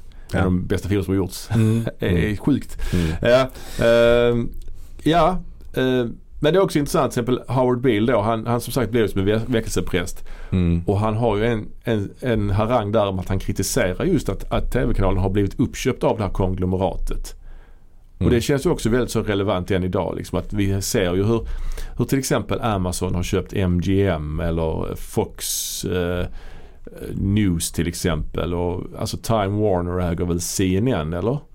Tror jag. AOL Time Warner kanske? Nej, det kanske de inte gör Jag längre. har Jag, ingen aning vem som äger vad där i nej, den. men det är i alla fall väldigt så här. Mm. Alltså den dialogen har inte åldrats alls. Nej. Det är ju, ja det är ju fa- fascinerande alltså. Parallellt med detta så får vi då följa då som sagt William Holden och Faye Dunaway. Eh, deras förhållande. Hur det är liksom, hur han då lämnar sin fru sen 25 år tillbaka för henne. En kvinna då som inte har några typ känslor överhuvudtaget. Hon är inte kapabel Mm. att känna kärlek heller ju. Nej. Tänker bara på sitt jobb. Och han är, liksom lite så passé. Han har ju blivit av med sitt jobb. Och ska skriva någon slags självbiografi. Det är också jävligt, jävligt bra. Det, det, de dialogerna där, de emellan är svinbra liksom. De är verkligen bra. Och är oväntat, och framförallt liksom. Faye Dunaway, vi var ju inne lite på det om Mm. hur hennes eh, roll var och Mm. hennes rolltolkning. Och, eh, ja men den, hennes roll är ju verkligen fantastisk för den är ju någonting helt annat än vad vi är Mm. vana vid. Rollen är lite som en man. Traditionellt eh, hade det varit en man som eh, kanske, i, Ja. alltså man har skrivit den rollen för en man kanske men det är Ja. kul att de gör det för en kvinna Ja. istället liksom. Alltså hon har hela tiden kommando ju. Ja, ja, det på menar något så. sätt. Ja. Och liksom hon är ju stenhård. I den första scenen hon är med i så det är ju där hon eh, kallar in alla de producenterna in i, in i sitt kontor. Och så säger hon ju någonting. Ja, jag skickade ju ut ett eh, PM om detta i, Mm. i, tidigare i veckan. Är det någon som har läst den? Så bara, nej, ingen har läst det. Mm. Och sen fortsätter hon prata lite grann och sen så avslutar hon med Ja, om ni i hädanefter uh, inte läser mitt PM så kommer jag sparka er allihopa. Liksom. Mm, alltså hon säger det på ett jävligt stenhårt sätt. Och sen är det ju ytterligare sådana grejer när Mm. hon till exempel när hon och William Holden har sex.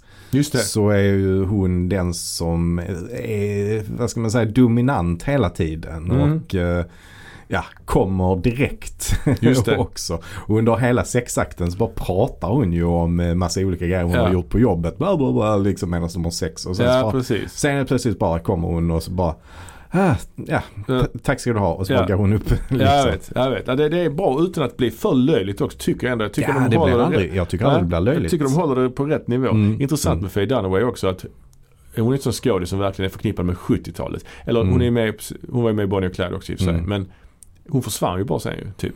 Alltså hon gjorde ju inga, alltså hon, verkligen. Nej. Hon, har gjort svinmånga kända Mm. filmer på 70-talet. Hon är ju med Mm. i, i, i alltså Chinatown, eh, Ja. Three Days Ja. of the Condor till exempel. Ja, men det, ja, tyvärr var det ju så för kvinnor liksom att de hade ju en ganska kort eh, Mm. karriär på den tiden. Nu är, det väl, är den väl förlängd lite grann känns det som.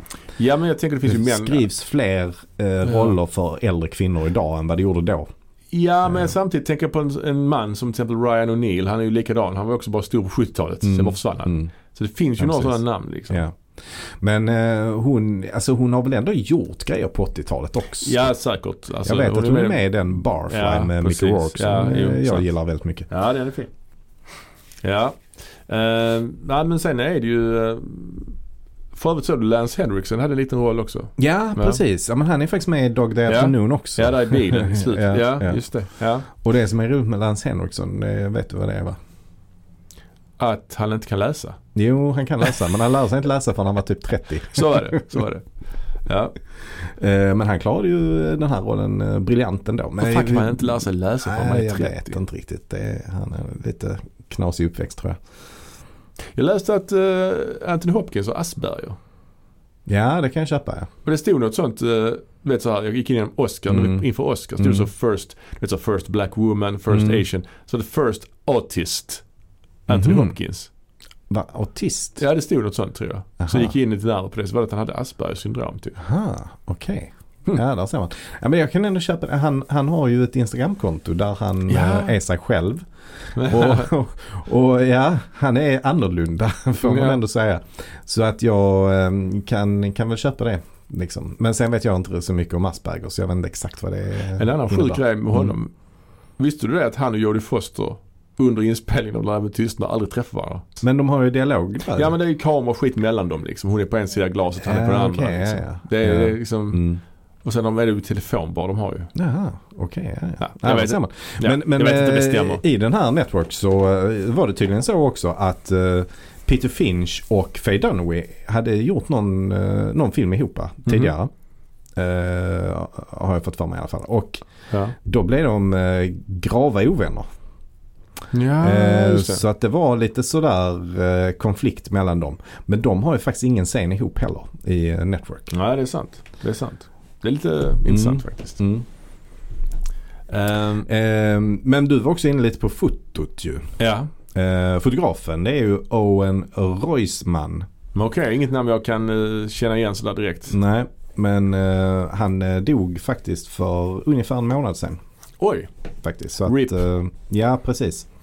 Eh, nej men han, eh, han är inget superkänt namn men han har faktiskt eh, fotat ganska kända filmer. Exorcisten till exempel. den är rätt känd ja. Mm. Tre, tre dagar för Condor. Sidney Pollack. Ja. Med Faye Dunaway. Eh, French. Connection. Superkänd. Så mycket William Friedkin där. Ja, Mm. mycket William Friedkin och, eh, och sen då Network. Så Mm. att det är ändå, det är ändå bra, eh, bra grejer. Tutsi också. Och, Också Sidney så- Pollack. Ja, precis. Och Ja. Electric Horseman också, Sidney Pollack. Ja, och- okej. och så. Mm. så att, ja.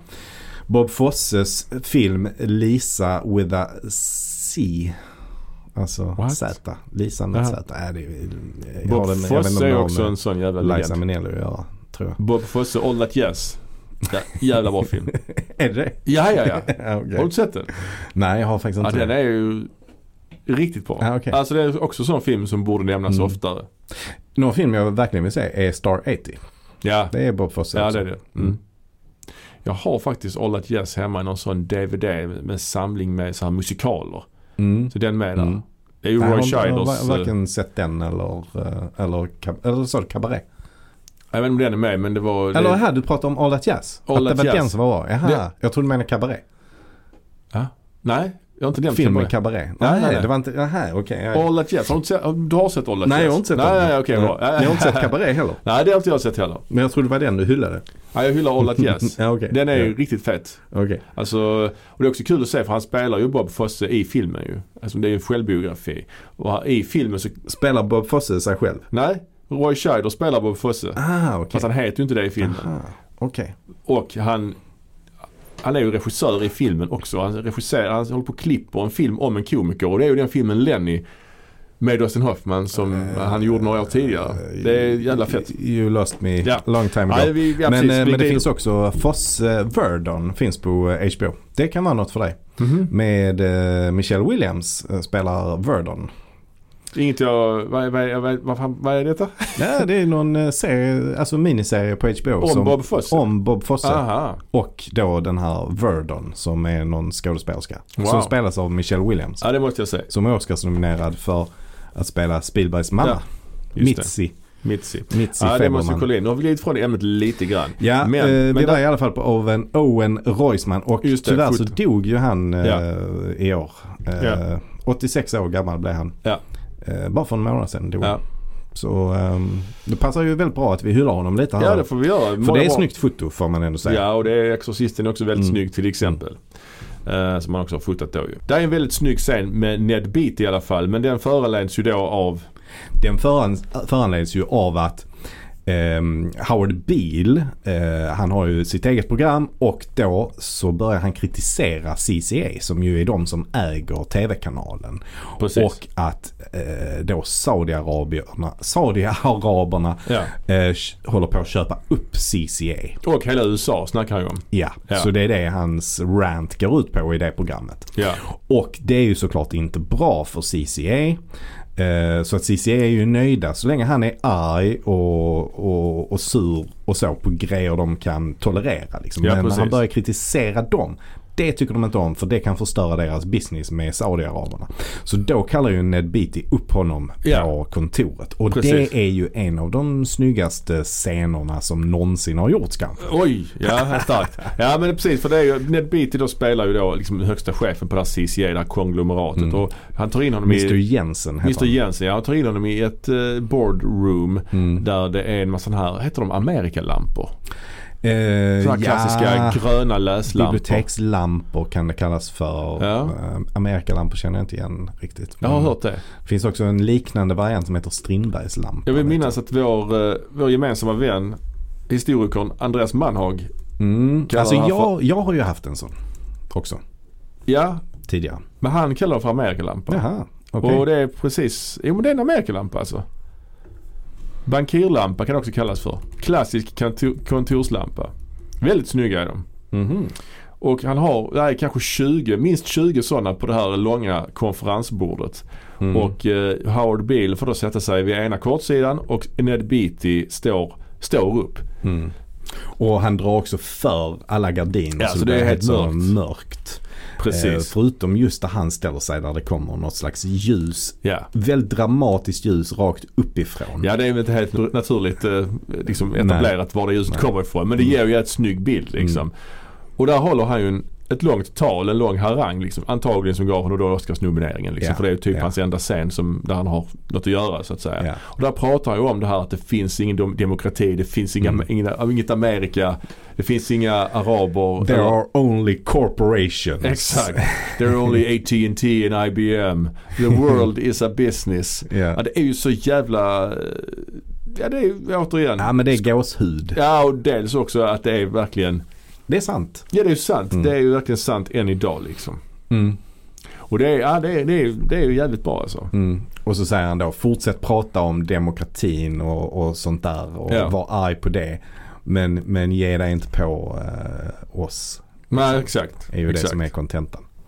Och efter det så tappar ju programmet lite av, alltså Howard Beale show då sin, lite grann Mm. sin eh, lyster. Ja, för att Howard Beale blir ju bara deprimerande på något sätt. Alltså Ja. hans rants blir liksom sämre och sämre efter det. För de Ja. kommer kanske inte riktigt från hjärtat längre. Ja det blir bara så här Alltså, att ja, ni gör det värdelöst och meningslöst. Det spelar ingen roll vad, som, vad ni gör. Ja, ja precis. Typ så. Eh, vilket ju då gör att eh, tittarsiffrorna börjar sjunka. Mm.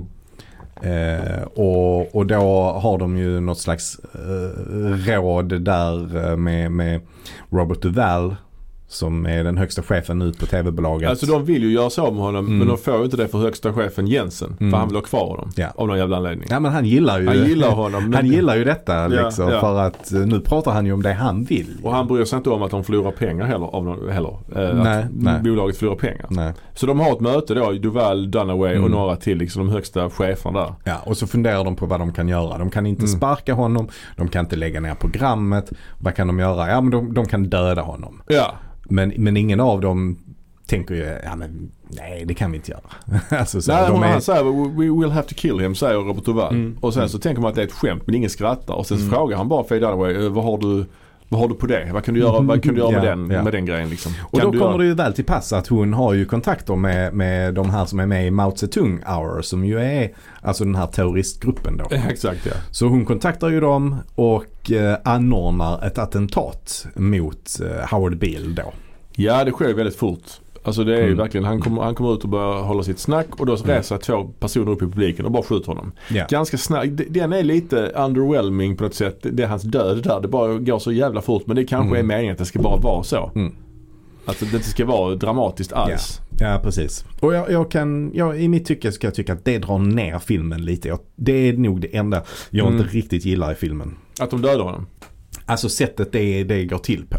Det, det är väl det jag tycker är sämst med filmen egentligen. Ja, ja, jag håller också med att det blir väldigt hastigt. Mm. Sen är filmen slut. Mm. Och sen är det Mm. bara, sen är voiceovern där att liksom detta är storyn om Howard Beale, den första personen som blev mördad för han fick dåliga tittarsiffror Mm. eller något i den Mm. stilen. Och det är ju lite kul kanske. Och sen är det men- som mediabrus Mm. och så försvinner hans död i mediabruset liksom. ja. Ja, jag håller med. Jag tycker också det är svagt. Det är också ganska, just, liksom, ganska dåligt klippt. Alltså Mm. det, det är bara så snabbt och hackigt liksom sådär. Mm. Eh, men det kanske är meningen att det ska bara vara det. Jag vet inte. Mm. Men det, det är ju, ja i övrigt skulle jag säga att det här är en film man kan eh, se många gånger. Ja, verkligen. Och inte minst just för alla fantastiska prestationer i filmen. Alltså, verkligen. eh, alla di- eh, dialogscener är ju så bra. Och alltså inte bara hur de är skrivna utan framförallt hur de är levererade. För det kan inte vara jättelätt att leverera den typen av monologer. Alltså för det, det är liksom långa, högtravande Mm. och lite så här proklamerande monologer ju som inte känns helt trovärdiga heller. Alltså, men när skådespelaren levererar dem så känns det verkligen som att de Mm. kommer, orden kommer spontant ur deras munnar. Alltså Jag håller med. Både Ned Beatty och eh, Peter Finch. Ja, ja. ja Eh, Dunaway och mm. William Holden tänker jag på nästan speciellt för han är ju en sån här gamla skolans skådespelare som Mm. har varit med sedan 40-talet Mm. typ. Att Mm. han också har, kan leverera på ett Mm. så naturalistiskt sätt. Det är rätt så Mm. coolt tycker jag. Mm. Sen är det några, några så tricks som man märker han manusförfattaren har använt. Att han, att han använder en upp, upprepningar ett par gånger. Eh, att han säger någonting till exempel I'm pretending to write a book about the maverick days of television. But Mm. I don't wanna Mm. write a book about the maverick days of television. Alltså, han, ja. han, det finns ett par scener där, han, eh, där karaktärer upprepar, alltså för komisk effekt liksom. Mm. Lång, Mm. lång eh, omständig formulering upprepas. Ja just det. Vilket jag tycker är Ja. lite härligt men också hade räckt med två gånger, inte tre gånger och fyra gånger liksom. Nej, nej. Eh, I samma film. Nej, nej precis. Ja, vi har nog all anledning till att komma tillbaks till Sidney Lumet och Mm. snacka lite mer Mm. om hans andra, andra filmer. Mm. Eh, och han sa väl, vad var det han sa nu det viktigaste med regi? vad var det? Vad? Ja, precis. Ja, men, eh, han har ju skrivit en eh, fantastisk bok ju. Ja. Eh, till exempel då. Eh, som heter Making Movies. Eh, som jag läst för länge, länge sedan. Men en, en sak som jag kommer ihåg från den det var alltså det viktigaste i regiarbetet. Mm. Det sker inte under inspelningen utan det sker redan i castingen. Mm. Eh, och en sak om, eh, om castingen då det var till exempel när han träffade Faye Dunaway. Mm. Eh, det första han sa till henne det var, jag vet inte om du har hört denna också, men han sa så här I know the first thing you're gonna ask, where's the vulnerability? Just det. Om hennes karaktär. Sårbarheten. Ja. Ja. Where's the vulnerability? Where's the vulnerability? Don't ask it. She has none. Furthermore, if you try to sneak it in, I'll get rid of it in the cutting room so it'll be wasted effort. Huh. Kul ändå. Mm. Mm. Ja, verkligen. Ja, nej och sen så den här filmen har ju verkligen ett eh, budskap ju. Precis Mm. som många av hans andra Mm. filmer. Och en, sak som han, eh, en annan sak som han också har sagt det är ju att eh, I'm not directing the moral message. Mhm. I'm directing the peace and those people. And if I do it well the moral message will come through. Mm. Intressant också. Mm. Verkligen. Han vann ju aldrig en eh, competitive Oscar va? Nej. Men han fick en heders-Oscar eh, några år innan sin död. Mm. Och det är också ett väldigt fint tal han håller där faktiskt. Kan man Mhm. se på YouTube när han liksom tackar folk och Mm. Det är trevligt. Al Pacino som presenterar honom. Mm. Kan man kolla Mm. på. Mm. Sevärt. Ehm, men ehm, ja, ska vi säga så? Alltså som sagt Network, se den. Mm. Vi återvänder till 70-talet någon gång i framtiden. Nästa gång kommer vi prata om någonting annat. Eh, och följ oss på sociala medier. Insta, Facebook. Gör det. Och eh, ha det så bra. Ha det bra. Tack för ikväll. Tack. Hej.